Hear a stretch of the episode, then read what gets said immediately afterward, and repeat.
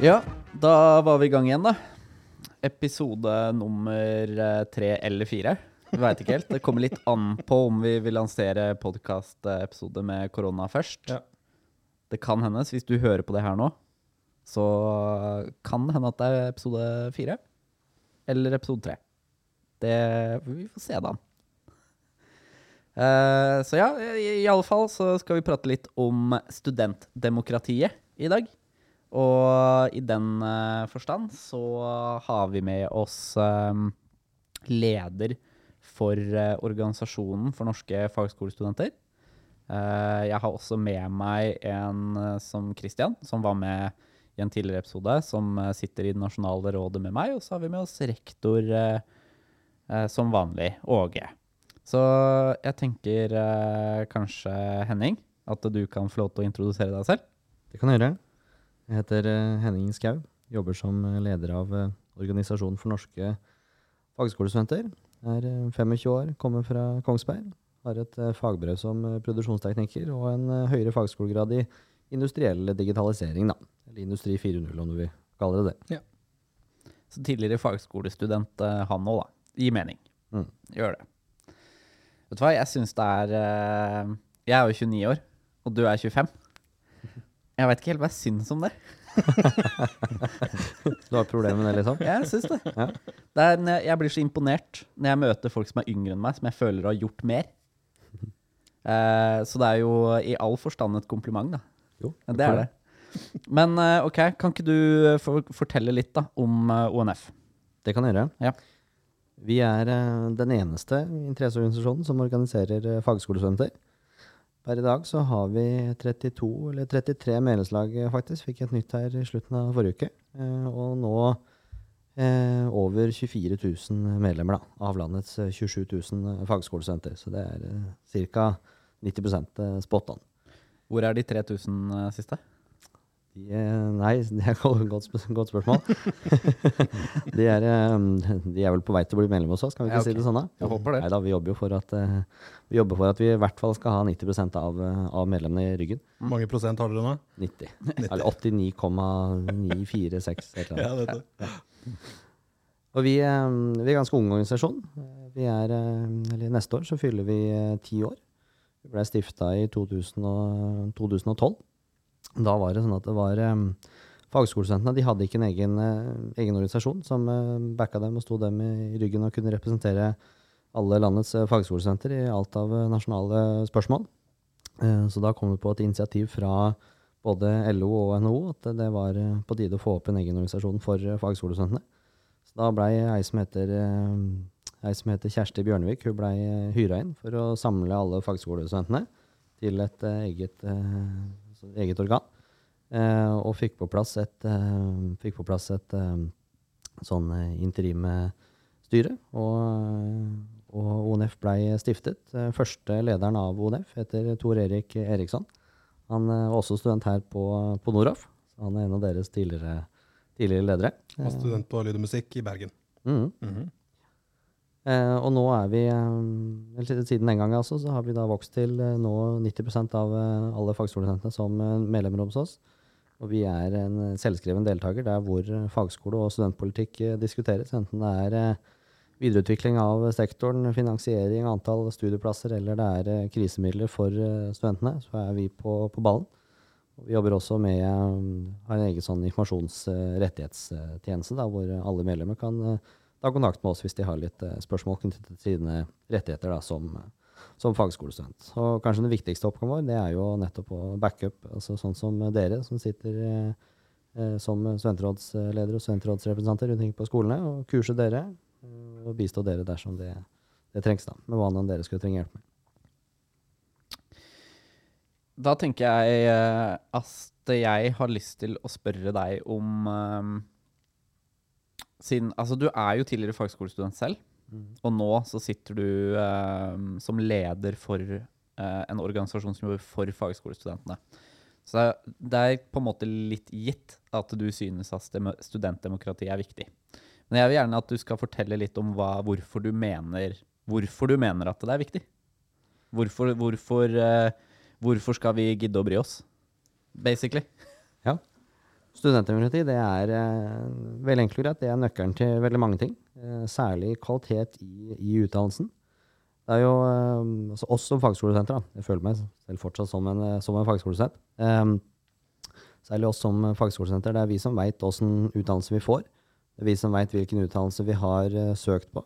Og det er vi som veit hvordan den kompetansen stilles når vi kommer ut i arbeidslivet.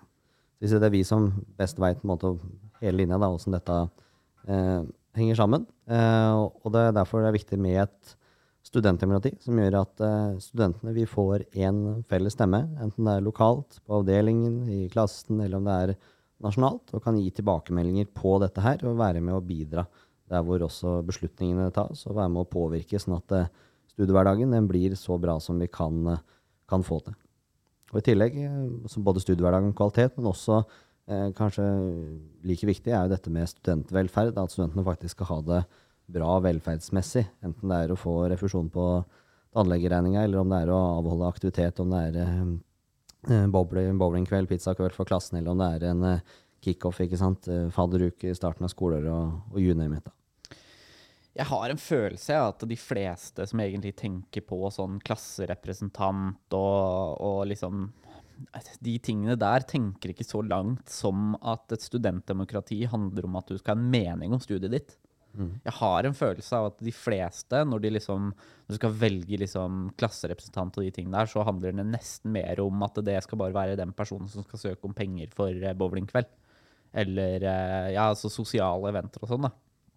Personlig så mener jeg jo at uh, det er vel og bra at man har en person som kan gjøre det.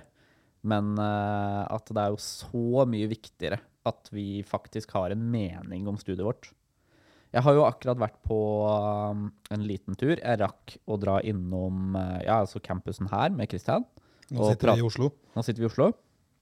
Uh, og prata litt foran klassene og prata om liksom, det at det er viktig at folk har en mening. Og så rakk jeg å gjøre det i Stavanger. Så skulle jeg egentlig i Bergen denne uka her. Men uh, det blir midlertidig utsatt. Av naturlige årsaker. så spørsmålet mitt blir vel heller hva er konsekvensen ved å ikke være representert? Ikke sant? Mm. For det er jo det som i ytterste konsekvens kan skje her, da. ikke sant? Mm. Kan ikke du si noen tanker om det fra, fra ONF sin side? Mm. Fordi det er jo eh, scenarioer som jeg kan se for meg kan dukke opp eh, titt og ofte. Absolutt, det er det. Og dere er ikke aleine om å ha den utfordringen eller den situasjonen. Jeg tror nok det er litt av eh, sjarmen eller egenarten til eh, fagskole som skoleslag også, at det er, det er ikke alltid like lett å engasjere studentene. Enten det er heltids, altså stedsbasert studenter, eller om det er nettstudenter digitalt. Folk har mye annet å gjøre. Folk har jo, det er klart, folk er mer si, mer, mer, etablert fase i livet sitt med andre ting som påvirker. Folk har mye jobb ved siden av. Eh, så det er klart det er utfordring eh, når det er eh, mindre eller større klasser i den forstand, å få folk til å engasjere seg. Og det som er, det som er litt fare med da, hvis man ikke får noen til å, til å engasjere seg, så skal det jo sies at det, det er ikke kjempemye jobb som kreves for å få til, få til dette her. Det er det absolutt ikke. Og det er noe vi, vi gjerne bidrar med. Vi hun bruker en del ressurser på å reise rundt, holde litt sånn motiverende foredrag. liksom Få fram hva er det egentlig som kreves av enten du er tillitsvalgt i klassen eller på et uh, skolenivå. Uh, men det som, er, det som er utfordringen hvis, er, uh, hvis, man ikke får den representasjonen, er jo at studentene egentlig Det er en gruppe studenter som ikke altså Man får ikke fram hva de mener, da, hva, de, hva de tenker. Og det er klart da er det jo vanskelig å tilrettelegge både for studentene studentrådet, hvis det er et overordnet studentråd, eller om det er for skolens del, kanskje særlig. da.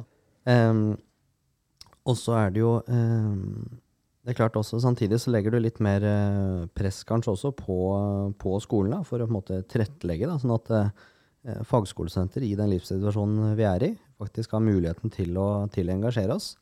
Eh, enten det er å være fleksible på når skolen har møter som krever deltakelse fra eh, studentrepresentanter, eller om det er andre ting som må Eh, må løses, om det er noe utstyr du kan ha for å være med digitalt, eller om det er eh, finansiell altså lønning, honorering type av, av møter. Da. Jeg eh, ser en par nye fagskoler som dukker opp nå, blant annet. De, har, de, de, de veit om den utfordringen her. Og måten de velger å løse det på, på måte fra dag én, det er å si det at eh, de som sitter i studentrådsstyret, de skal få et fast honorar ikke sant, da, for, for å gjøre dette her, og det er kommunisert ut fra på en måte dag én. Men da kan også skolene eh, sette litt mer eh, forventninger da, til tilbake ikke sant, til, til studentråd, og det tenker jeg også er eh, like viktig. Eh, og en ting som er viktig å ha i bakhodet, er jo det at eh, vi studentene har et ansvar. Vi må, vi må på en måte engasjere oss selv også og si ja til å, til å bli med på, på dette her, da, hvis vi virkelig vil få endring av eh, studiehverdagen. Eh, og dersom man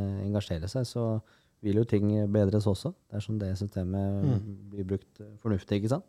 Så det er jo egentlig bare positive sider med å, med å engasjere seg. og ja. Terskelen er egentlig ganske lav, og det kreves ikke mye, da. Men mulighetene er store. Det er sikkert du, Niklas. Ja, altså for her, Nå kommer vi liksom inn på en litt sånn uh, interessant uh, greie, da. Fordi på én side så har vi uh, et lovverk for høyere utdanning som tilsier at skolen plikter å tilrettelegge for et studentdemokrati. Men på den andre sida så bør jo et studentdemokrati være helt umotivert av skolen. Mm. Eh, for at det skal være et ekte studentdemokrati av studentene for studentene, så bør jo skolen egentlig ikke være involvert. Men det to, to eller ja, men det, det er to ting. da. Det ene det er studentdemokratiet eh, i form av studentvelferd og det sosiale. Og men på den andre side så har det jo at eh, altså hvis dere ikke går ut og velger eh, selv, så må allikevel vi inn og peke ut noen. Fordi studentene skal være representert i de forskjellige organ, fra styret til kvalitetsutvalget, der du sitter jo i begge deler, mm. Niklas, eh, skal være involvert i å vurdere undersøkelser fra emneundersøkelse til, til resultatene fra studiebarometeret. Og det, det ligger på oss. Ja. Så det det det er todelt. Eh, Hvis, eh, hvis dere ikke hadde organisert dere på den måten eh, selv, um, så måtte vi ha gått inn og, og uh, på et eller annet vis ha funnet ut av det likevel, og, og sørget for at dere hadde representasjon. Ja, for det er interessant, da, for det, hvor, hvor, ehm, hvor, hvor høy kvalitet blir det egentlig, hvis man bare skal peke på et menneske bare sånn Du må se på det her. Uh, nå har vi gjort en undersøkelse, og jeg trenger at du ser på det her, og du må godkjenne det på vegne av alle studentene. Ja, for det er, det er ta, ta snu det rundt, da, ta på arbeidstagersiden. Så har man jo, det er jo arbeidstakers medvirkningsplikt å stille med et verneombud, f.eks. Ja. Det er en plikt de ansatte har. Mm. Så hvis ingen eh, på, på, Her hvor vi sitter i Oslo, så er jo verneområdet eh, Campus Oslo. Mm. Hvis ingen her rekker opp hånda og sier 'jeg har lyst til å stille til valg som verneombud', Mm. eller hvis det ikke er eh, 'jeg har lyst til å ta det', siden det er ingen andre som tar det, så må vi peke ut en blant de ansatte som får verneombudhatten, og som har på seg den. Men det er ikke en medvirkningsplikt for studentene på samme måte. Burde det ikke vært det? Ja, mm, jo, både ja og nei. Eh, det, er det, er liksom vanskelig å bestemme akkurat hvordan det skal være. For det er så stor variasjon i skoler og klasser og you name it. Det er mange variabler her. Eh, men det som loven er tydelig på, er jo som både Åge og du sier, Niklas, at skolene de skal legge til rette for, eh, og studenter de skal være representert i altså organer med, som er tildelt, beslutningsmyndighet, og de skal sitte i styret. Eh, og den skal-bestemmelsen den er jo den er lagt opp til altså, innenfor rimelighetens grense, ikke sant? det som er mulig å gjøre osv. Eh, men samtidig så har studentene det som står i loven, at studentene har rett til å opprette et studentorgan, både på skolen, men også avdelingsvis. ikke sant? Da, dersom det er veldig ulike fagretninger. ikke sant? Da. Så kan skolen, eller studentene velge å eh, organisere seg sånn de selv ønsker, og sånn de selv ser at funker best. da. Og det er jo eh, det er jo det som er ønskelig òg. At eh, studentene de tar ansvar og, og gjør dette her selv. Og så bistår gjerne vi i ONF med hvordan det kan eh, organiseres best eh, mulig. Men i sånn helt i worst, worst case scenario, sånn som eh, Åge sier, ikke sant? så noen ganger så blir skolen rett og slett omtrent nødt til å måte peke ut en. da. Uh, og i de tilfellene, uh, nå skjer nok ikke det veldig mange steder, men i de tilfellene så uh, er det jo viktig der at skolene er måtte, lydhøre. da, måtte kjenner skjønt og hvem er det som frempeker seg litt, ikke sant, som har litt kapasitet til å kunne, kunne bidra her, ikke sant, da, og velger eh, de personene, da. Mm. Men da er det, det er virkelig sånn, det er siste, siste løsning. Da skal du ha prata og gitt beskjed om dette til studentene, at nå, nå ser vi ikke noen annen løsning først, ikke sant, da. Og kanskje det er at det er noen som eh, hopper litt frem, da. Ja. Jeg tenker jo at vi kan jo høre litt med Christian. Fordi um, inntrykket mitt er egentlig at de fleste som ender opp med å sitte i et uh, studentråd, sitter litt i samme skoa som deg, Christian. Måten du eh, hva skal jeg si, ble gitt embetet ditt, var jo litt sånn Ja, absolutt. Det, var vel egentlig ingen som stilte. Ikke sant? Så jeg tok det på meg fordi jeg følte jeg hadde lyst til å gjøre det. Og, og rett og slett var det ingen andre som tok det. Og det, jeg tok jo på meg mer enn jeg hadde trodd. Det var mye, mye arbeid. Men jeg er jo glad for at jeg gjorde det òg, for jeg har lært mye og innsett at det er veldig mye mer å lære også. Og jeg har jo lyst til å gjøre en god jobb Mm. det, når man først har stilt. Så jeg håper jo på jeg ender opp med å gjøre det òg. Mm. Men hva tenker du om eh, om sånn, sånn det, Med det du vet nå, i forhold til hvor mye arbeid du har måttet gjøre, og hvilke forventninger du hadde, hvor, i hvilken grad føler du at det har levd opp eller ikke har levd opp til det du tenkte om å måtte liksom engasjere seg i det studentdemokratiet før du faktisk satt der du sitter nå?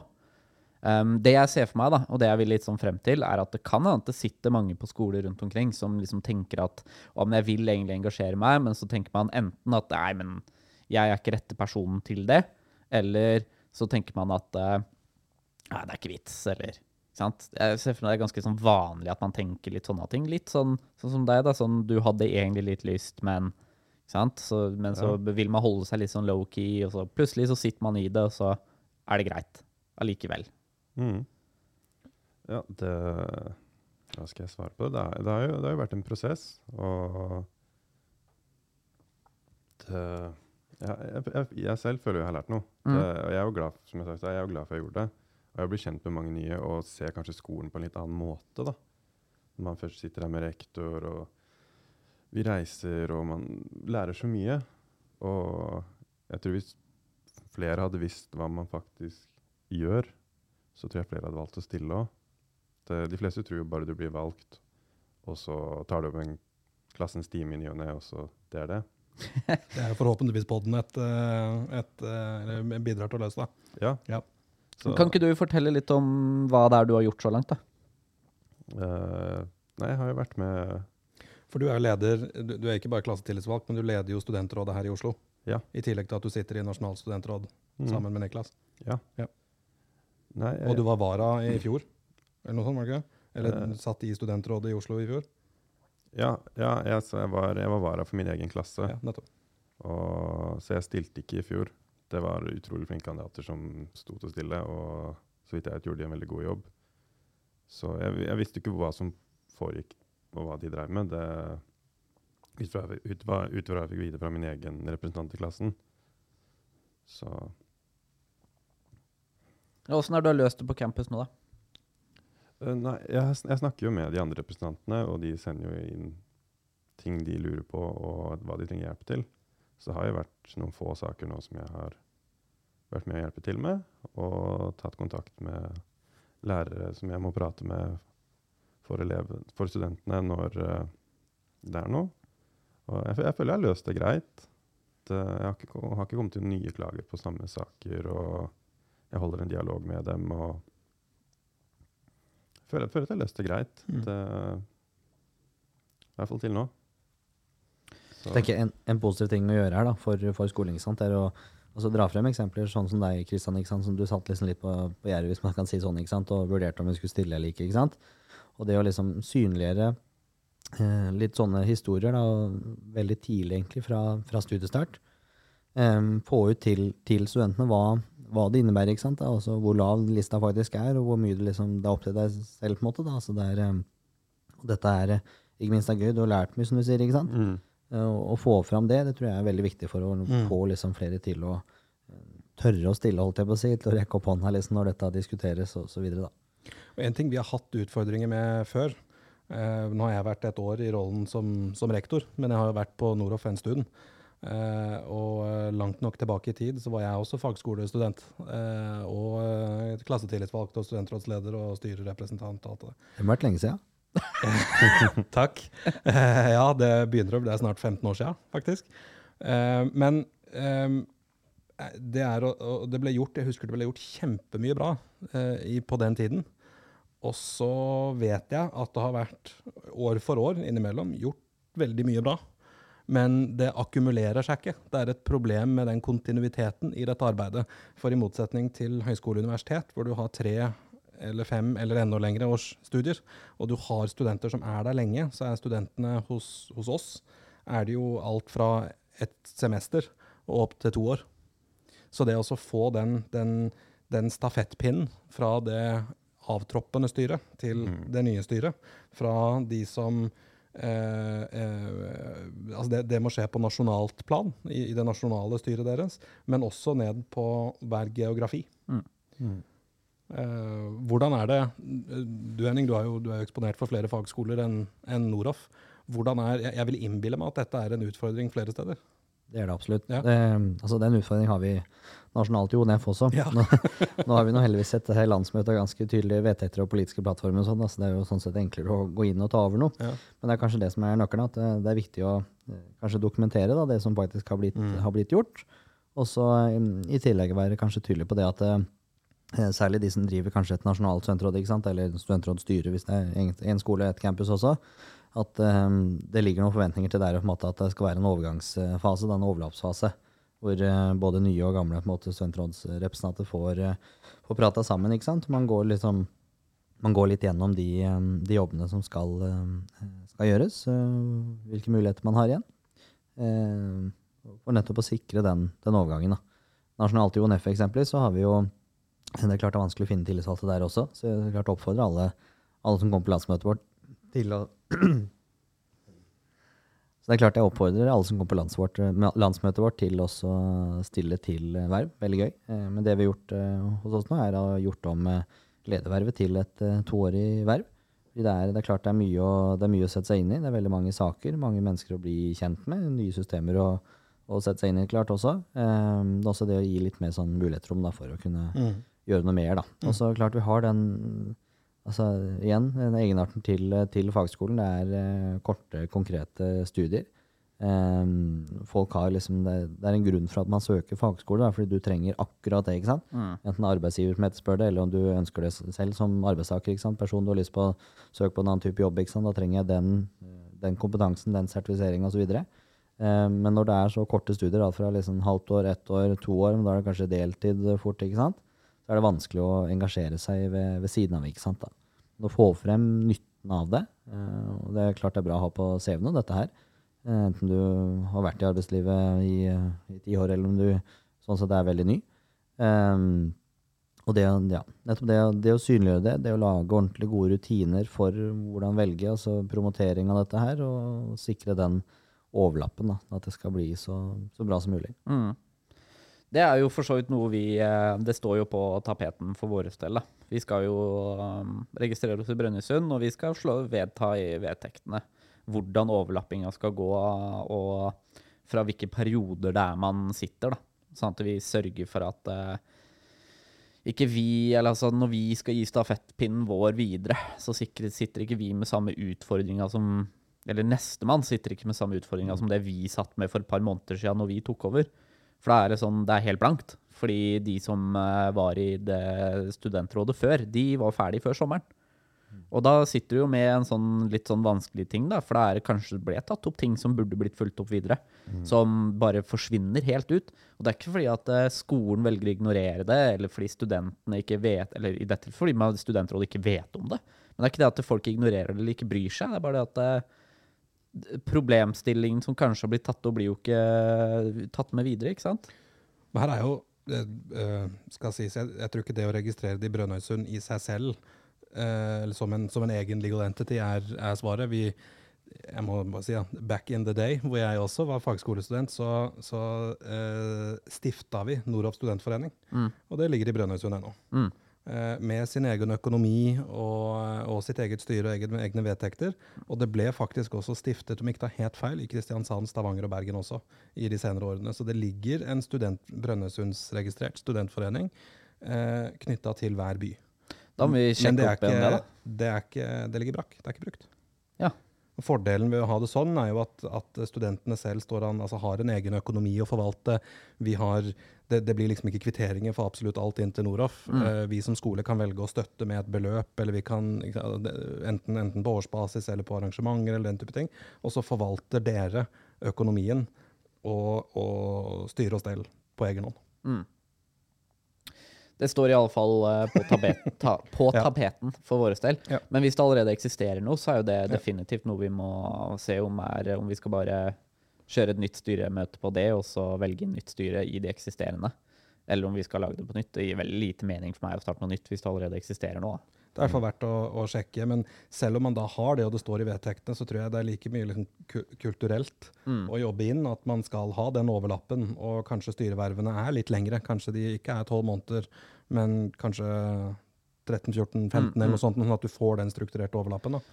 Um, Det er jo det som er motivasjonen i alle fall bak å skulle registrere det i Brønnøysund. er jo Mm. ikke det å legalisere det på den måten, Mm. men det er det å få den kulturen, da. mm. eh, med den overlappen og skape de forventningene fra dag én. At Mm. det er forventa at man skal ha den, at det, det er sånn det skal være. Men det er en del av den profesjonaliseringen av det leddet. Mm. Eh, og uh, vi har valgt å knytte oss veldig tett opp mot, mot dere i ONF for å forsøke å utvikle studentdemokratiet vårt. Mm. Um, så der er det, jo, eh, er det jo kursing som dere tilbyr, og litt sånn. Kunne ikke sagt noe om det? Jo, Jo. absolutt. Dere hadde jo et Eh, høstseminar nå. ja. Det hadde vi også. Vi prøver å, det er ganske nytt. Vi starta i 2019 med høstseminar i studentdemokrati. som begge de, altså Både Niklas og Kristian var jo med der. Mm. Eh, og det høstseminaret det er på en måte sånn ja, kickoff på, på høstparten for studentlederne blant eh, medlemslagene våre. Både for å bli, eh, bli kjent, kunne diskutere litt eh, ja, positive ting og utfordringer, så klart. Eh, det er viktig å dra fram, altså Vi prata om at studentdemokrati er til for å liksom løse utfordringer, men det er klart det er mye positive ting også. Bare dra fram det eh, enda mer også. På høstseminaret drar vi også gjennom ja, de, en del av de kursene vi, vi tilbyr, gir på en måte en kort innføring i det. Både sånn grunnleggende studentdemokrati for helt nye altså studentdemokrati som er litt på scratch, eh, men også på de, sånn som hos dere. da. Hva kan det neste steget være? ikke sant? Altså, Hvordan kan man bruke studentdemokratiet mer? altså Hvordan strukturer bør man ha når skolene ser sånn og sånn ut? Hvorfor, hvorfor har man vedtekter? Hvorfor bør man registrere seg i Brønnøysund? Økonomi er jo en stor pådriver Mm. der, ikke sant? Og kunne være litt enerådig over, over den og forvalte de midlene selv. Det er klart det. Um, og vi, vi kommer gjerne inn og, og tilbyr kurs på, altså i den situasjonen eh, studentrådene eller studentdemokratiene er i. da. Enten det er eh, et lokalt eh, hos dere, ikke sant, eller det er nasjonalt. ikke sant, og så se, Nå kommer det jo fram her ikke sant, at det finnes jo allerede en studentforening, ikke sant, så det kan jo kan anbefale det med en gang. så klart, Å se på muligheten der for å bare eh, gi litt liv i den igjen. Det Mm. er jo mye lettere det enn å Mm. stifte på nytt. Mm. Så, um, så her er det mye muligheter. Vi eh, stiller gjerne opp på det det, der det trengs. Og blir med å diskutere og finne de gode, gode løsningene. Kanskje er andre fagskole medlemslag hos oss som har eh, gjort tilsvarende. ikke sant? Og det å sette dere i kontakt med de kan det være en løsning. Det er et sted å starte, i hvert fall. Mm. Uh, jeg har lyst til å dra det litt tilbake igjen. Uh, for jo, som med tanke på den personen som kanskje sitter og lytter nå, da. Um, for det jeg det, det som, Om vi skal ha et mål for denne episoden her, så vil jeg at det skal være at uh, de som hører på det her, skal føle at uh, de har en god grunn til å bry seg. Uh, for hvor, hvorfor skal studentene bry seg? Jeg vil dra det litt igjen tilbake enn dit. Hvorfor skal de melde seg til å være tillitsvalgt? Uh, hvorfor skal tillitsvalgte melde seg opp til å sitte i campusrådet, eller som campusleder, eller oppå i det nasjonale rådet, ikke sant? Um, og det er én ting som jeg føler er veldig sånn gjengående, som jeg vil at vi kanskje skal ta en liten sånn uh, runde på rundt bordet, da. Og det er det der med um, at uh, jeg tror det er veldig mange som uh, har, har det i seg, men som bare trenger å bli gitt ansvaret. Det er litt det med å leve opp til jobben man får tildelt. Eh, for det er sånne ting som jeg ser veldig i Christian, for eksempel. I utgangspunktet ikke særlig interessert i å, å ta den plassen i rommet, men så får han oppgaven, og så lever han opp til oppgaven etterpå. Og det er, en sånn, det er litt sånn bakvendt måte å tenke på, fordi det er ikke så vanlig at man tenker at det, eh, men du får jobben, og så ser vi på kvalifikasjonene etterpå. Vanligvis så forventer man skal ligge noen kvalifikasjoner og en interesse til bånd først, og så får man jobben. Uh, men jeg tenker jo at uh, det er en interessant vinkling å ta, som jeg tror folk ikke er så klar over. At eh, det er mange der ute som, eh, som egentlig kanskje kunne gjort en sinnssykt god jobb som eh, klasserepresentant eller studentrådsleder, for den saks skyld, da, hvis de bare får oppgaven. Hva tenker dere om det? Skal vi starte med, starte med Åge, da, så går vi mot eh, klokka rundt bordet her. ja. Nei, altså, eh, for det første tenker jeg jo gode rollemodeller og forbilder. Mm. Sånn som dere. Det handler jo om å vise frem det man gjør, og hva jobben faktisk innebærer. Eh, så det er nok mange som tenker at det er en litt sånn Det er en eh, sånn eh, administrativt kanskje litt sånn masete jobb, og du, det er problemorientert noen ganger. og og, og altså som, som, som liksom har det inntrykket da, av, av vervet. Eh, og klargjøre det. Jeg håper jo podkasten her vil, vil være med oss og snu, snu det inntrykket rundt. Eh, og så er det jo for skolen da, å klare å En sånn fin linje, vi skal jo ikke blande oss opp i deres valg. Eh, men eh, vi har ikke noe problem med å forsvare at vi går inn og, og sterkt oppfordrer eh, de vi ser har et potensial til å stille til valg. Mm. Eh, vi, vi skal legge til rette for det, men, men vi ønsker jo å dytte dere også. Så, så de som er de, som, de vi tror har potensialet, vil vi jo sterkt oppfordre til å, til å stille til valg. Eh, men jeg tror kanskje mest handler, handler om, å, om å synliggjøre hva jobben faktisk er. Hva rollen faktisk er. Mm. Og, og eh, nå kan jo dere snakke mer om det, men, men mesteparten av de samtalene som jeg har med dere, handler jo om utvikling av skolen å gjøre. Og så er det noen ganger noen utfordringer. Altså, og, og, og det å utvikle skolen er i seg selv en utfordring. Men noen ganger så er det jo saker vi må snakke om som ikke er så hyggelige, eller det er et problem, eller det er en klage, eller den type ting vi må håndtere. Men det aller, aller meste handler jo om å se fremover. Og bygge sten på sten, og så finne ut av hvordan skal, vi, hvordan skal vi gjøre dette til neste år så det blir enda bedre, eller hvordan skal vi Sånn at det er en, det er en helt annen positiv ladning rundt det, eh, mener jeg, da. Jeg tror eh, Åge er inne på veldig mye, veldig mye bra her. Uh, og helt enig, Åge. det er- Dere som, dere som skole dere har jo en unik posisjon og ser alle studentene. ikke sant? Og dersom det er potensial, ikke sant? når du ser noen som har lyst til å engasjere seg, men kanskje nøler ikke sant? at dere som skole og lærere, ikke sant? administrasjoner, er, er på da. ikke sant? Så bare liksom, du, tenkte deg å stille, ikke sant? Nå, nå blir det valg snart. ikke sant? Mm. Altså, Sett dem i kontakt med de som var eh, tillitsvalgte i fjor. ikke sant? Lær det nå, ikke sant? og få dem til å, til å engasjere seg, er veldig bra. Og så er det, eh, så er det Vi har vært litt innpå inne på det tidligere også, men det er viktig å eh, Altså ja, man får et, man får et ansvar, men i stedet for at det er noe negativt, noe stort, noe tungt å ta på seg. ikke sant? Og du får, ser jo alle de mulighetene du får. ikke sant? Da. Dette her kan du være med å bestemme ikke sant? Og, og påvirke da, og liksom ta, ta eierskap til. At det er, at det er noe kult.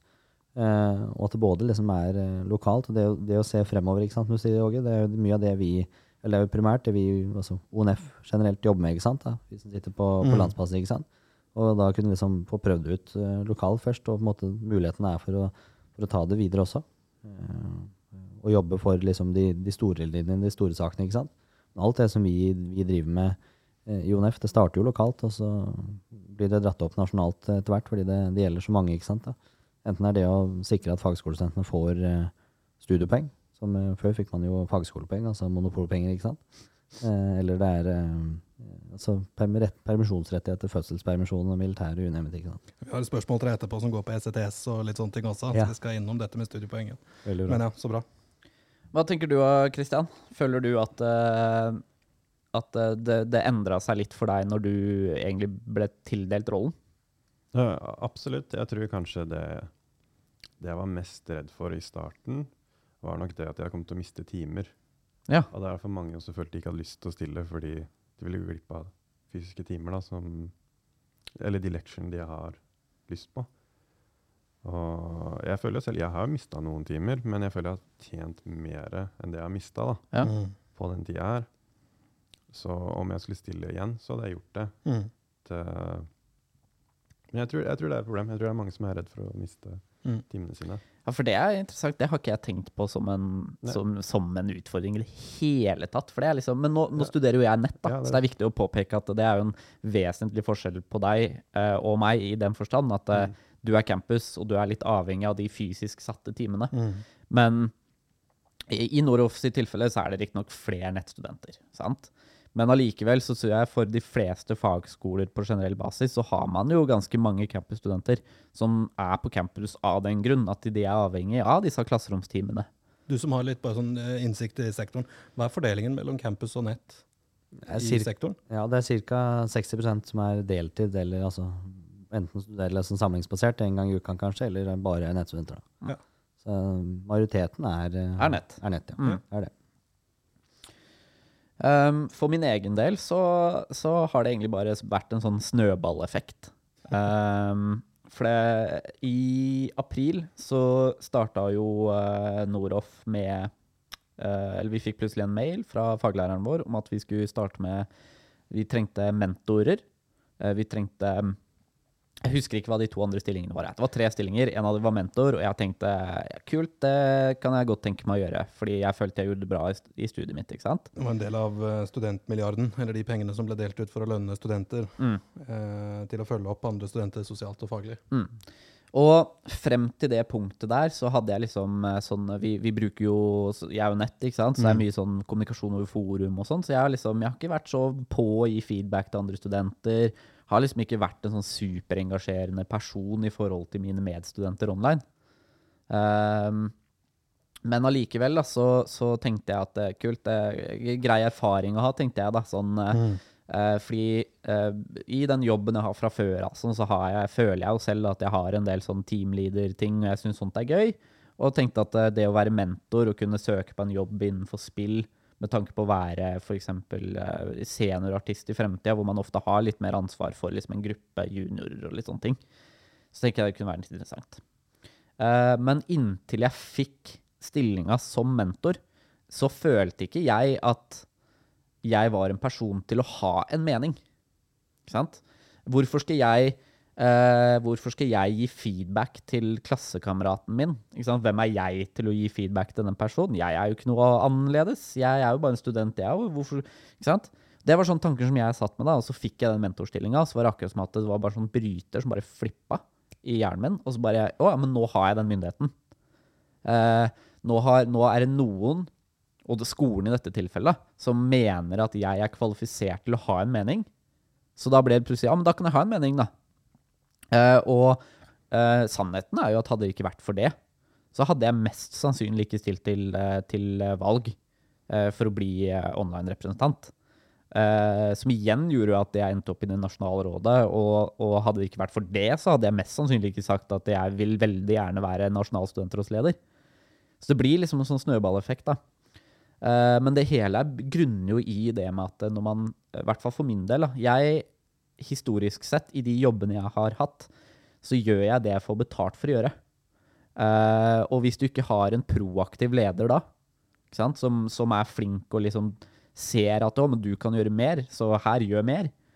Så, så, og sånn tror jeg det er veldig, veldig mange som er, ikke sant? Uh, og det er kanskje en litt sånn uvane man får uh, ved å være Om jeg kan skylde på det å være yrkesaktiv. Fordi det er litt sånn det er. Og når man kommer fra fast jobb Jeg har jo hatt fast jobb i mange år, ikke sant? 29 år. Plutselig fant jeg ut at å, kult, jeg skal lære meg å lage spill. Ikke sant? Eh, og så begynner man, så blir det litt sånn man gjør det man skal gjøre. Eh, og så er, jeg føler det kanskje er veldig norskt, egentlig. Eh, jeg gjør jo bare jobben min, tenker jeg. Det er jo ikke sånn at jeg sitter og tenker at eh, jeg gjør en bra jobb, eller jeg gjør jo bare jobben min. Og da blir det jo litt sånn naturlig, da. Eh, men i alle fall for min del så var det litt det med uh, at jeg plutselig ble sett. Mm. Um, men det starta jo med at jeg søkte jo på mentorstillinga, ikke sant? så det var jo en aktiv Mm. uh, innmelding for min del. Men Den var lønnet. den var lønnet. Mm. Men det, det har vi jo for så vidt uh, prata om før. Da. Altså, de, de pengene jeg tjener på mentorordninga her, er jo ting jeg putter tilbake inn i å være mentor. Så det, kan vi ta en annen vi har, vi har prøvd i flere år å bygge et studentdemokrati på nett. mm, Eh, men har, eh, de gangene vi har fått, et, eller fått, liksom noen valgt, så har det ikke, har liksom ikke helt fungert. Vi har ikke fått noe kontinuitet. Det har, så har det blitt en periode hvor det ikke har vært noen som ville stille, og de vi har pekt ut. Det. Så dette er liksom første gangen hvor vi egentlig virkelig har fått det til å fly. Ja, Dette er første gangen en nettstudent sitter og innehar altså eh, leder av Nasjonalt studentråd, sitter i styret. Eh, nå legger jo du til rette for altså nå, nå, Noe av liksom din misjon i år har jo vært å, og er å bygge opp eh, bredden i, he, altså i hele eh, studentdemokratiet på nett. mm, På en campus så har vi 15-16, kanskje 20 klasser på fagskole. Men på nett så har dere mange hundre. Mm. Eh, med fire studiestarter i året, heltid, deltid og, og en snittalder som er noe helt annet enn på campus. Med folk som er i en helt annen livssituasjon enn en campusstudent er. Ofte eh, liksom småbarnsforeldre eller sitter i en fulltidsjobb eller den type ting. Så, så det er morsomt det du sier, da, for det er, jo, det er jo det som har gjort at vi nå er på vei til å bygge ut det studentdemokratiet på nett. Og jeg synes for, for, den personen som lytter nå, da, hvis det er noen som sitter og hører på den podkasten her som går førsteåret, så, så er det en ting som er viktig for meg at de vet eh, om det eksisterende nasjonale studentrådet. Vår misjon, og det er vi alle enige om, for vi er ferdig til sommeren. Sant? Eh, for oss så handler ikke det her bare om at eh, vi skal bare fylle på CV-en. For oss så har det her blitt en sånn greie hvor vi skal, vi skal etterlegge oss en legacy på Noroff. Det er målet. Når vi er ferdig her, så skal vi vite at den stafettpinnen går videre.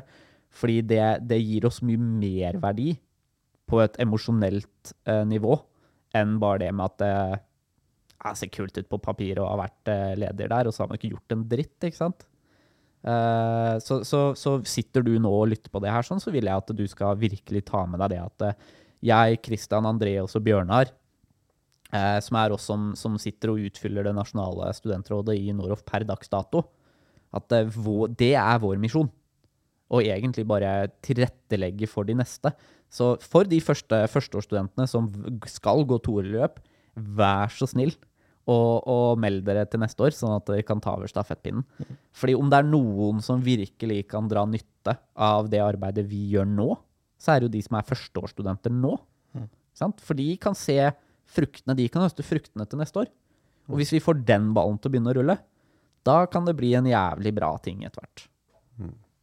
Definitivt. Vi snakker om å liksom legge sten til sten og bygge noe. Um, ONF, dere er jo representert i Altså Studentene på fagskolen er representert i valg og, eller utvalg og, og komiteer og steder hvor der uh, beslutninger tas for studenter på vår skole, men dere sitter jo med nasjonal eksponering. Eh, dere sitter jo i Nasjonalt fagskoleråd, dere har kobling opp mot NOKUT. Du snakker med politikere mm. eh, i departementet like mye som du snakker med, med skolene. Mm. Kan dere snakke litt om de stedene hvor dere er eksponerte, og de prosessene som dere er inne i? Jo, det kan vi, det kan vi gjøre. Det er, det er, jo mange. Det er forskjellig, mm. ikke sant. Det er alt fra skal vi si, prosesser på nye ting som skjer, til altså, hvor vi sitter i Nasjonal fagrådsnevnd, ikke sant. Der har vi to representanter. Ja. En, av de, ja, en av de få er, eh, organisasjonene der som har to. Eh, og så sitter vi jo mye møter med politikere. Det er sånn det kalles inn til enten det er dialogmøter i koronapandemien, ikke sant? så blir vi kalt inn der.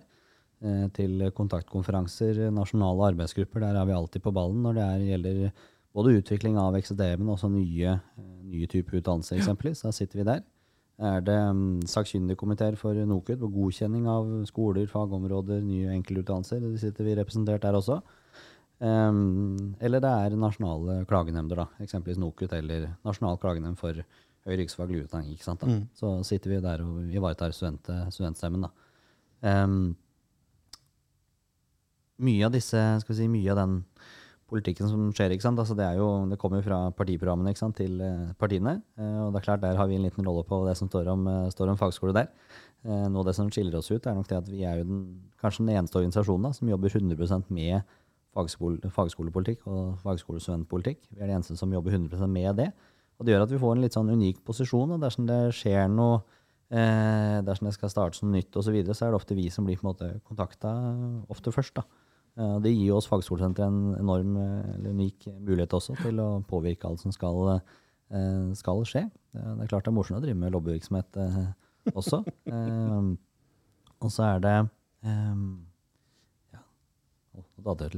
Dere, det er jo noen hete poteter akkurat nå, og vi i Noroff har jo eh, samarbeid ut mot en del internasjonale skoler og tilbyr en del såkalte to pluss én-løsninger. Mm. Eh, hvor studenter kan ta to år fagskole hos oss, og hvis de som ønsker, kan gå ut og ta et tredje år. Mm. Vi skulle veldig gjerne ønske at vi kunne ta, ta, studenter fra utlandet til Norge også, og til oss, mm. og tilby de noe her. Men vi fikk studiepoeng for noen år tilbake, men det var liksom bare halvparten som mm. blei med. For gjenstående på den er ECTS. Mm. Stemmer det. Det er um, Du fikk navnet studiepenger, Ja. det stemmer.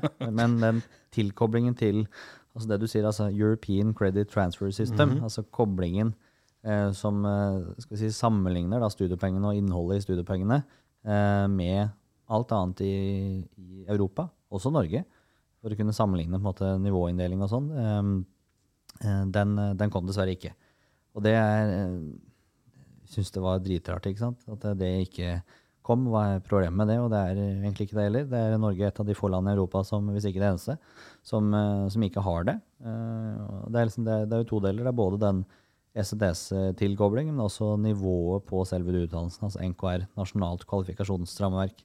Den også er eh, basert på det europeisk, altså European Qualification Framework, eh, som eh, sier noe om læringsutbytte, altså det studenten får i enden. At det skal være med på å bestemme hvilken altså nivået utdannelsen legger seg på. Ikke sant? Fagskole er jo på, på nivå fem. Ja, som du sier, Dere har den altså to pluss én ett år i toppen for å eksempelvis få en, få en bachelorgrad, da, som ligger på nivå seks igjen. Der er fagskolene sperra til å ikke kunne tilby et høyere nivå som faktisk er etterspurt og fins i veldig mange andre land i, i Europa. Så det er sånn ja, det er um, kjemperettferdig egentlig at ikke Norge skal få lov til å, til å drive med det samme. Når Realitet, syns det er jævlig rart. ja, det er kjemperart. Det er uh, rett og slett politisk uh, uvilje mot at det skulle, skulle bli innført. For når, når NKR kom i ja, er 11, 12, 13 Ja, eller noe sånt, ja. et eller annet sånt, ja. Mm. Uh, og da ble, kan du ikke si litt om hvordan inndelingen der er? For det begynner jo på én og slutter på Åtte. åtte. Ja. Hvor uh, åtte er doktorgrad. Ja, stemmer det. Ja. Så du går fra eh, altså barnehage, grunnskole på, fra nivå 1 til, til 3, og så har du videregående på nivå 4. Fagskole er på nivå 5, eller 5.1 og 5.2, kan på lurt hvor mange studiepoeng det er. Eh, egen inndeling der også, klart. Eh, og så har vi bachelorgrad på nivå 6, mastergrad på nivå 7 og doktorgrad på nivå 8. Da. Eh, og det vi ønsker og det vi jobber for, det er at det skal være altså, sånn dualt system. Da. Du har to søyler, en akademisk og en yrkesfaglig. Ehm, og den, er, den legger også EQF-en eh, opp til, altså det europeiske. ikke sant? Eh, Tyskland har eh, kjempesystem som funker. ikke sant? Sverige har det samme, Finland, you name it. Um, hvor man kan ta yrkesfagveien opp til topps til nivå 8. Eh, på samme måte som du kan eh, med akademia, eller akademi, altså akademisk forskningsbasert utdanning eh, i dag. Da. Eh, I Norge så ble det vedtatt at uh, yrkesfag det skulle stoppe på nivå 5. Eller det skulle få et eget altså, nivå 5, da, så, sånn såkalte short cycle uh, educations. Da. Eh, mens det, akademisk utdannelse i Norge det fins ikke noe på nivå 5, men uh, høyere akademisk utdannelse den starter på, på nivå 6. Da. Mm.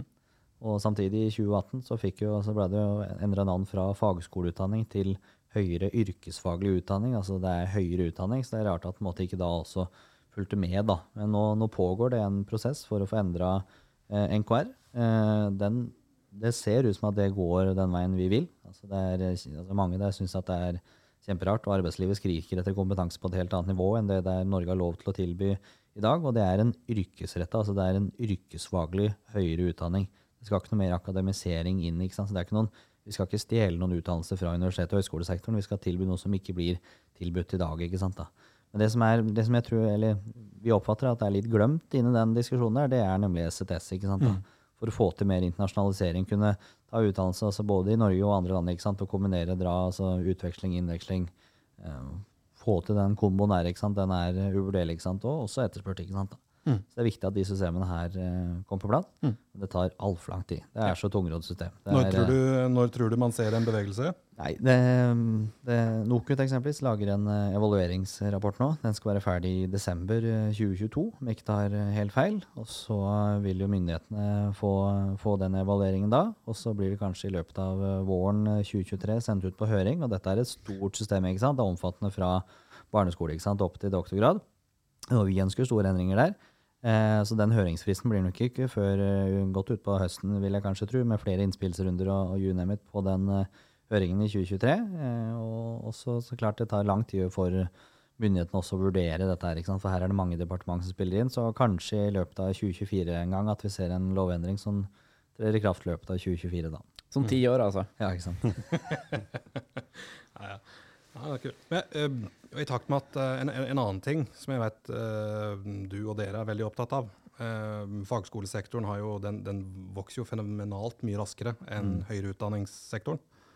Altså enn en resten av, av Utdannings-Norge. Høyere Ja. yrkesfaglig utdanning har jo gått fra ikke på veldig mange år har gått fra en 15 000-16 000 studenter til 27 000. Mm. Og til neste år så er vi sikkert over 30 000. Ja. Um, og eh, fordi, fordi fagskolene har, har vært i en kategori for seg selv, og, og ehm, så har dette med, med studentombud Det er jo noe annet enn eh, tillitsvalgtsystemet, det er noe annet enn studentrepresentasjonssystemet. Mm. Der har det vært litt opp til hver fagskole å organisere det på den måten man, man får det til. Mm. Og så har det kommet noen, noen regulatoriske krav eh, på det. Og så har fremdeles nå så er det jo en del forskjellige måter å, å, å, å regulere det på. Vi i Noraf har jo valgt å slå sammen med en, en, et universitet og ha et felles studentombud Mm. eh, på der. Men dere jobber for, jo for et nasjonalt studentombud for alle fagskolestudenter. Mm. Kan du Sagt litt om det? Ja, det kan Ja. gjøre. Eh, Vi jobber jo for da, et, altså en nasjonal studentombudsordning. ikke sant? da? Mm. Og i og med at eh, sektoren er i så stor veksten her, så foreløpig er det behov for én. Kanskje det kan bli flere etter hvert. da, ikke sant? Men sånn som det er i dag, når den lovendringen tredde i kraft, eller når den, den loven da, kom i 20, starta fra januar 2019, eh, så var det jo det at eh, alle fagskoler skal ha et studentombud for, for studentene sine. Og studentombudet det skal være en, en uavhengig person fra både studenter og fra skole. Eh, som, kjenner, som har god juridisk kompetanse sant, på lovverket og skal kunne bistå studenter sant, i enten det er tvistesaker med skolen ikke sant, om det er noe de har lyst til å klage på, liksom fremgangsmåten her osv. Og, så og kan måtte være litt mer til stede på hver enkelt eh, skole. da. Um, i dag så er det ONF som på mange måter ivaretar den rollen. ikke sant? Og det er, eh, det er en veldig viktig rolle, men eh, vi mener at det, det bør være ett enkelt sentralt, altså nasjonalt studentombud, som har denne rollen her. Og det vi ser svakheter da, med dagens løsning, det er det at når hver enkelt skole får i oppgave å lage dette her, så det, det er klart det er store forskjeller på fagskolene. Det er alt fra fem studenter til dere som nå er over 3300, ikke sant? Um, og mange, det er mange ulike løsninger. De som kanskje funker de som kanskje funker bedre, det er jo sånn som dere som har samarbeidet med et universitet eller høyskole ikke sant, om med studentombud. Uh, utfordringen der er kanskje det at det studentombudet kjenner nok ikke godt nok til fagskole som sektor. ikke sant? Høyere yrkesfaglig utdanning og de, eh, hvordan det fungerer, og hva som er utfordringene her. Eh, og samtidig så er det, det er litt annerledes juridisk eh, lovverk til, til fagskolesektoren også, da. Og så har vi enkelte skoler som, hvor det er en person i administrasjonen som har en prosentvis stilling. ikke sant? Eller at det er en student som også har den rollen som studentombud. Det det er ikke helt hele tiden. Så derfor, for å egentlig fikse dette enkelt og greit Fagskolesektoren er ikke større enn som sånn at det kan løses med ett nasjonalt studentombud. Det koster svært lite penger sett i et nasjonalt eh, omfang. ikke sant da? Mm. Ja. Så det håper vi at det blir eh, gjennomslag for nå. Vi fikk det ikke med nå i, i eh, eh, budsjettet for eh, 2022. Eh, Men vi fikk det gjennomslag for det i Hurdalsplattformen, at det skal opprettes. ikke sant? Så vi håper at det kommer med revidert for 2022 da, og blir aktivt da fra høsten av. Du har vært nestleder i ONF, Stemmer det? og nå sitter du som leder. Ja. Så du har vært eksponert for disse prosessene og for to forskjellige regjeringer og eh, forskjellige statsråder. og, no, liksom, du, du har vært eksponert for alle disse prosessene. Ja. Hvis, du vært, eh, hvis du hadde fått jobben som eh, kunnskapsminister med ansvar for fagskolesektoren, hva hadde du fiksa? Hva, liksom, hva, hva, hva, hadde stått på toppen av agendaen? Ja, det er litt morsomt spørsmål. For det er, liksom, det er, litt- det er litt sånn frustrerende at uh, det kanskje ikke skjer, eh, skjer mer. da. Fordi det, som er unikt med fagskolesektoren, altså både skolene og de politiske partiene er stort sett enige. Altså Fagskolesektoren, enten det er altså offentlig eller om det er private fagskoler, er enige om hva, hva vi ønsker. Hva, hva er det som er behovet? Hvilke endringer ønsker vi for at vi, eller fagskolene da, skal kunne eh, utføre sin samfunnsrolle på en, på en bedre måte. Eh, og det kan være alt fra altså finansieringen, eh, altså særlig de som får eh, offentlig støtte. ikke sant? Enten det er offentlige eller private fagskoler. De, de får jo altså en finansiering som dekker kun to tredjedeler av faste kostnader. Hvordan i all verden skal fagskolene da kunne jobbe med altså kvalitetsutviklende tiltak eller utvikling generelt, uten at det går på bekostning av studentene? Jo, de må søke på søkbare midler ikke sant, for, for å utvikle mer, eller ta egenbetaling fra studentene. Så fagskole er jo det eneste skoleslaget i Norge som ikke havner inn under, gratisprinsippet. Så det å si at vi har gratis utdanning i Norge, det er bare tull. Det stemmer ikke. Eh, så finansieringen er én ting, og finansieringen den må jo også legge til rette for altså, å gi fagskolene en forutsigbarhet. Eh, arbeidslivet etterspør sjukt mange si, fagskolekandidater. Eh, rett etter stort behov for de med fag- og svennebrev, så kommer så kommer fagskolekompetanse. Eh, Fem av ti bedrifter, NHO sitt kompetansebarometer eksempelvis, mm. sier det. Og det har vært jevnt over flere år. Ja, det skjer svært lite. Det er jo nå vedtatt at det skal være en, altså en forutsigbar eller fast opptrappingsplan på 1000 nye studieplasser i året til fagskolene. Det kom ikke med nå. Forrige regjeringa innførte det heller ikke, selv om opposisjonen uh, sto og skrek, og bedriftene står og skriker. Um, og det koster ikke svært mye heller. Uh, det skal ikke så altfor mye til. Men det, jo, det, som er rart, er at veksten er etterspurt, men det kommer ingen forutsigbarhet. Samtidig så sier politikeren at ja, men det er, dårlig, det er for dårlig kvalitet, uh, det står mange studieplasser ledig.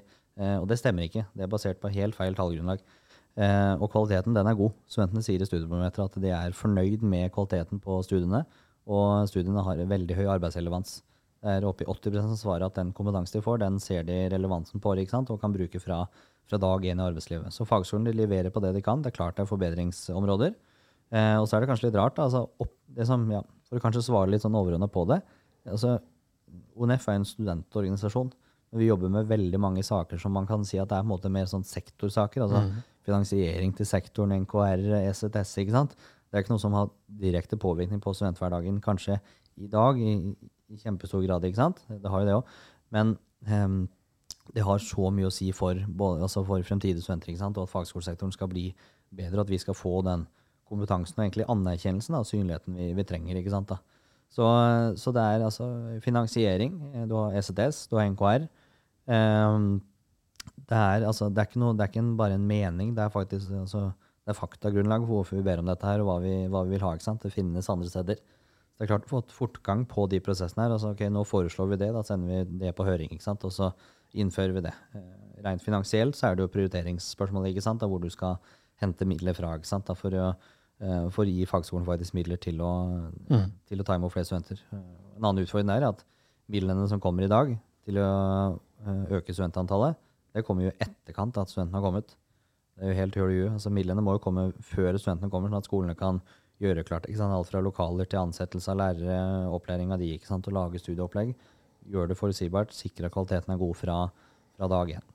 Så Det er frustrerende å se at uh, politikerne kanskje mener at det er for dårlig kvalitet. ikke sant? At det kommer studieplasser på rare steder, når de ikke gir fagskolene den forutsigbarheten de, de trenger, og som faktisk også er vedtatt politisk. ikke sant? Da. Mm. Men det at det er så stor enighet, det gjør at det, det er heller ikke så mye sånn sett friksjon i den forstand. Det er ikke så, det er ikke så mange hete poteter, eh, kanskje, eh, som gjør at eh, partiene er kanskje litt, litt for passive. da. Men nå ser vi, nå har vi liksom fått et bra gjennomslag i Hurdalsplattformen, så nå har vi store forhåpninger til hva som, hva som skjer nå videre. Mm. Og så er det jo søkt inn, altså Loven gir jo en åpning for at fagskoler kan levere på et høyere nivå. Unntaksvis. Ja. Så jo, dere har jo sendt inn en søknad. Ja, det ja. stemmer. Si litt om den. Ja. Eh, det ble kommet et vedtak i eh, Eller vi, vi, foreslo tidligere i vår at vi skulle sende en, eh, en søknad på rett og slett altså et prøveprosjekt, prøveordning. Hvor, gjennom Nasjonalt fagskoleråd? Gjennom Nasjonalt fagskoleråd, ja. altså en NKR-prøveordning. Hvor enkelte fagskoler skal få lov til å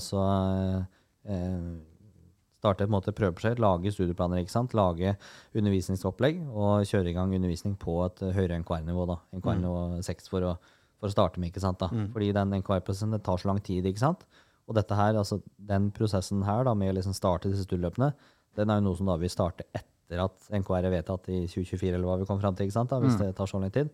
Uh, så vi mener at det er viktig at uh, de fagskolene som står virkelig og tripper, så har ressurser til å kunne gjøre det nå, de får lov til å starte nå og lage dette her. For dette, dette kommer, men da kan vi starte mye kjappere og har allerede nå ha uh, noe å bygge på. ikke sant da. Bare Vi har nevnt Nasjonalt fagskoleråd en del ganger nå. For det er jo mening, så gir det mening hva det er for noe. Men dere to andre, pluss resten av de som lytter, vet kanskje ikke helt hva det er. Mm. Hva um, Nasjonalt, ja. ja. um, på samme måte som universitets- og høyskolesektoren så har, har sektorene hvert sitt eh, nasjonale råd. ikke sant da? I universitets- og høyskolesektoren så er eh, rådet deres sammensatt av representanter fra de ulike høyskolene og universitetene. Eh, mens på fagskolesektoren litt annerledes igjen. da. Der er partene i arbeidslivet, både arbeidsgiver- og arbeidstakerorganisasjoner, representert. For det er der etterspørselen kommer etter. ikke sant? Det er der både majoriteten av rekrutteringsgrunnlaget og, og eh, altså igjen arbeidsgiversida. Eh, det er der de veit hva eh, det er behov for av utdannelse generelt også, på et nasjonalt nivå. Eh, og I tillegg så er så klart altså studentene representert via to representanter, og også skolene da, gjennom paraplyorganisasjonene til både private og offentlige skoler ikke sant, er representert der. da. Så er det et, og et nasjonalt fagskoleråd som, med representanter fra hele sektoren, som uh, svarer for hele sektoren og representerer hele sektoren og kan legge litt uh, føringer ikke sant, da, for, mm. for hele pakka. Mm. Så det jeg tenker vi kan eh, avslutte med da, er å egentlig si eh, noen ord om eh, hvorfor vi eh, mener at du som lytter skal bry deg. Enkelt og greit. Vi har toucha litt på det tidligere, og vi har prata litt rundt det med om eh, hvilke arbeid som ligger bak studentdemokrati og alt det der. Men på slutten av dagen så er jo det aller, aller viktigste her at du som hører på, bryr deg. Det er mange måter å bry seg på, men det, det er der det starter. Ikke sant? Eh, så vi tar en runde rundt bordet, og så tenker jeg eh, for enkelhets skyld, så siden vi avslutta med ONF eh, rett før vi gikk eh, tok en liten pause her, så kan jo Henning starte litt med å fortelle oss hvorfor skal studentene bry seg, Henning, og hva tjener ONF på det? Det som er eh, ja, viktigst kanskje da, med å, med å bry seg og engasjere seg. Altså ONF er til fordi studentene brydde seg, for at vi skal bry oss og samkjøre hva vi bryr oss om og mener oss om, og kunne jobbe med det. Det er viktig at eh, dere som studenter engasjerer dere for at vi i ONF, eller for at ONF skal få nye og flinke tillitsvalgte. ikke sant? At ONF skal kunne bli drifta fremover. Vi trenger nye ideer, ny politikk, når vi etter hvert får, eh, får gjennomslag for eh, de store fanesakene våre. Um, og det er viktig at studentene eh, at dere engasjerer dere eh, lokalt. For altså, det er jo lokalt sakene oppstår, ikke sant? Det er der diskusjonene er, det er der man ser hva er, altså, hvor vil vi, ikke sant? da? Og så blir det tatt med på et, på et nasjonalt nivå. Eh, og så jobber vi også for at eh, vi vil støtte dere, så dere kan engasjere dere enda mer, og kanskje jobbe med litt, eh, litt mer politisk påvirkning på lokalt nivå også, ikke sant, da, for å liksom få enda mer gjennomslag. Det er begrensa hvor mye lokalt vi kan jobbe da i, i ONF. Mm. Ja, da tenker jeg eh, Åge. Hvorfor skal skolen bry seg, og hva tjener eh, Noroff på at uh, vi bryr oss? Ja, I vårt uh, kvalitetssystem uh, så er vi helt avhengig av studentenes feedback og medvirkning for å kunne legge liksom, sten til sten hvert år og bli litt bedre hvert eneste år.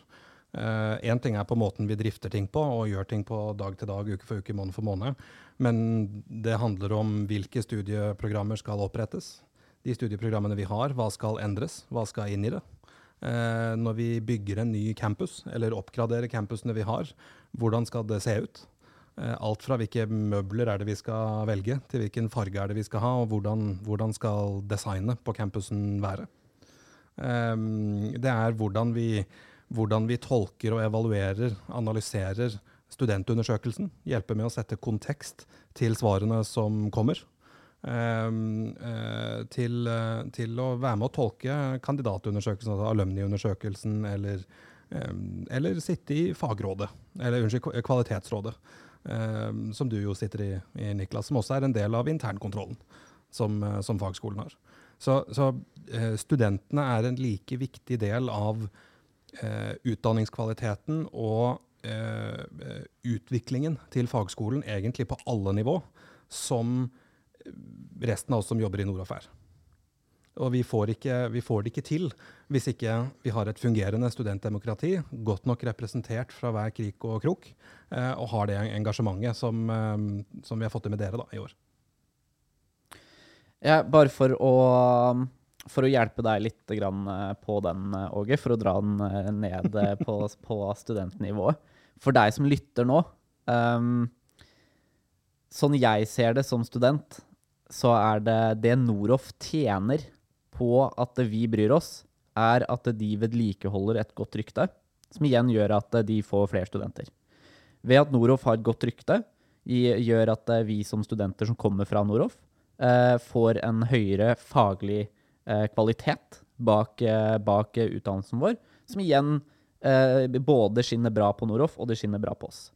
Eh, for jeg vil at de som eh, at de som, de som hører på nå eh, Jeg tror kanskje det er, det er mange som tenker at eh, en skole bare Jeg tror ikke det er mange som tenker det, men det er nok noen som tenker at skolen bare er der for å tjene penger på, på studentene. Også? Det er bare melkekuer. Sant? Men på slutten av dagen, hadde det vært sånn, så hadde det jo ikke gått fremover. ikke sant? For da, da, da, kommer jo ikke studentene tilbake igjen.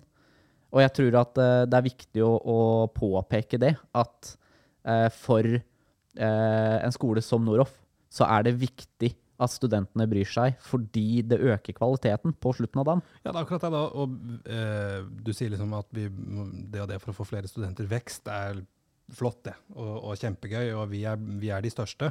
Det ble vi for noen år tilbake, og det var, liksom, det var ikke noe vi sikta på. Det er veldig moro å være størst og liksom ha den, ha den pokalen, men det er, ikke, det er ikke i seg selv et mål. Nei. Vi har jo sagt at nå er vi, nå er vi det. Det skal vi fortsette å, for så vidt fortsette å være, men vi skal bli best. Eh, og det handler om fornøyde studenter, men mest av alt studenter som går ut i jobb i etterkant, og, og, og- altså, og relevansen. Så, så liksom de, de pilarene våre er at vi skal, vi skal ha em, Der vi skal vinne, eh, det er at vi skal være absolutt best på å være integrert med bransje. Vi skal være absolutt flinkest på å utvikle lærere. Vi skal være absolutt flinkest på å være datadrevne i beslutningene våre. Så for, forstå tallene, forstå hva som ligger bak de, måle de riktige tingene. Slutte å måle de tingene som ikke er relevante. Eh, og vi skal være flinkest på studentmedvirkning. Og jeg tenker jo at summen av alle de tingene Ja. er jo at uh, man får tilbakemelding. Yep. Og da trenger vi at eh, vi eh, åpner kjeften. Japp. Så Kristian, hvorfor, eh, hvorfor er det viktig at eh, studentene bryr seg på campus? Hvorfor det er viktig at studentene bryr seg Mm? Det Da datt jeg nesten litt ut. Jeg, jeg, jeg gjorde det, men Satt du i sånn eh, lytte til podkast-modus det. Jeg satt litt i sin lyttemodus. Men for meg så føler jeg at det, det blir jo Den tilhørigheten du får til skolen, blir annerledes, og, Mm. og til campus. Og du har jo mulighet til å påvirke din egen skolegang for bedre. Og alt av Problemer blir jo løst når du tar det opp. Og det å kunne bidra til å løse alle de problemene er jo essensielt. Det er helt utro det er ganske utrolig. Jeg kan jo være enig i at eh, jeg føler jo det gir en eh, mye mer giv til det å være student, når man eh, bare for å touche raskt inn på det, da, som studenter på Noroff. Eh, og for deg som lytter nå, hvis du Jeg håper jo du er student på Noroff, og du er hjertelig velkommen hvis du ikke er det, og til å fortsette å lytte, selvfølgelig. Men det å sitte i uh, å være tillitsvalgt, som vi er, um, og faktisk føle at ting skjer, Mm. det er, uh, det, det er ganske unikt, føler jeg. Eller det er en unik følelse å sitte med, i alle fall. For det er, jo, det er jo essensielt, ikke sant? At når man tar opp ting, at ting blir gjort. Mm. Uh, men da er det jo igjen, da, uh, viktig at man engasjerer seg, ikke sant? Ja, ja, absolutt. Og jeg er jo glad for at folk er så flinke til å engasjere seg. Og, og det er jo vår, kanskje vår jobb å engasjere andre til å engasjere seg også. Mm. Og det, det føler jeg vi får til. Ja. Det, Se hva som skjer i etterkant av denne episoden her, da. mm. Må dere snart begynne å legge aksjer og planlegge neste års valg sant? og kultivering av de nye ressursene som skal, som skal opp. Mm. Skal jeg, noen, eh, noen tenner da, etter å ha hørt dette.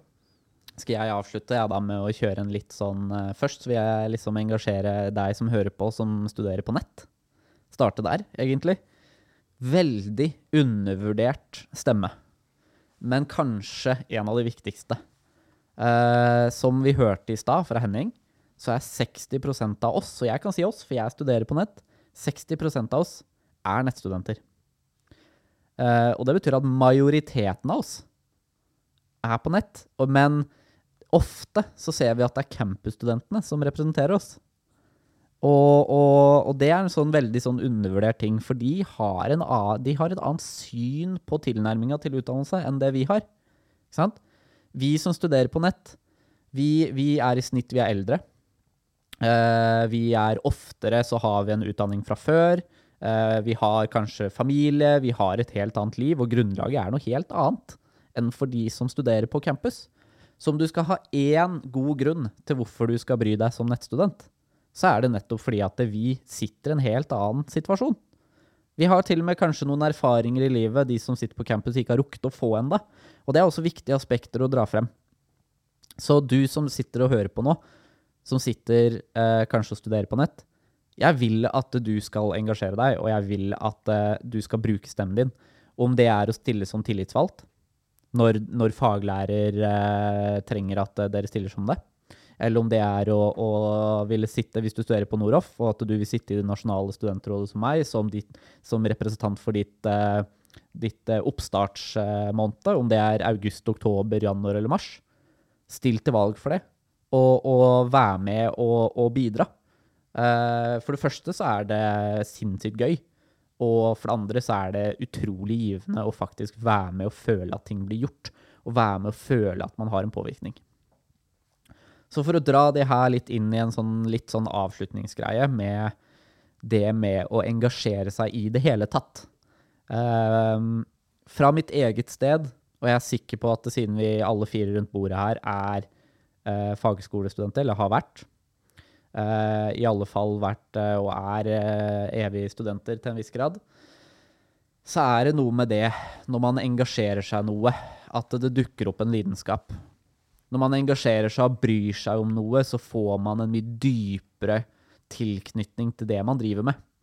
Christian toucha litt på det i stad, og det er det med at når du er med eh, som student og involverer deg i studiet ditt, i skolen din, så føler du du, du får så mye mer enn det du melder deg på for.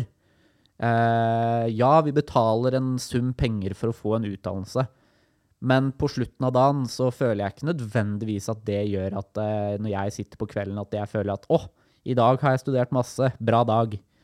Men når jeg kan sitte på kvelden og tenke at jeg har studert masse, men jeg har også vært med å bidra, det er en ting som gjør at jeg sover bedre om kvelden. Det er en ting som gjør at eh, jeg føler en dypere tilknytning til skolen min. Det er en ting som gjør at jeg har lyst til å gjøre mer. Jeg har lyst til at samtlige som går og studerer på Noroff, skal få så mye ut av utdannelsen som mulig. Få så mye ut av studentlivet som mulig. Selv om vi studerer på fagskole, så skal ikke det være noe annerledes enn å gå på høyskole eller universitet. Ja, studiepoengmessig så er det per dags dato en forskjell, men i praksis så er det ikke en forskjell. Og det er så utrolig viktig at vi bryr oss og får så mye ut av det som mulig. Og om det er at vi bruker stemmen vår og endrer ting, eller om det bare er at vi engasjerer oss er en del av noe, så er summen det samme. Det, det starter, og det slutter med oss. Så du som lytter nå, jeg håper du lærte noe nytt uh, av dagens episode. Jeg uh, håper uh, du kanskje til og med har lyst til å stille til valg når eh, tida kommer for det. Enten om du er campus, eller om du eh, er, eh, er online. Kanskje til og med hvis du går på en annen fagskole, at det motiverer deg til å gjøre noe på din skole. Kanskje til og med at det engasjerer noen seg til å engasjere seg mer i ONF. Som igjen, det trengs. Og jeg håper på slutten av dagen at vi alle får en bedre skolegang. Om ikke det er for oss som sitter her nå, men for de som skal ta over fakkelen når den tida kommer. Så ja, takk for at du lytta i dag. Det ble, ble, en, eh, ble ikke en like lang episode som sikkert. Nesten. Nesten. Nesten. Uh, så om dette er episode tre, så er jo forrige episode nesten like lang. Om dette er episode fire, så veit jeg ikke. Da kan det hende at episode, det som egentlig blir episode tre, uh, kanskje blir kortere. Det finner vi ut av senere. I alle fall så håper jeg du får en fantastisk fin dag, og at uh, du eh, engasjerer deg. Nydelig. Vi uh, høres neste gang.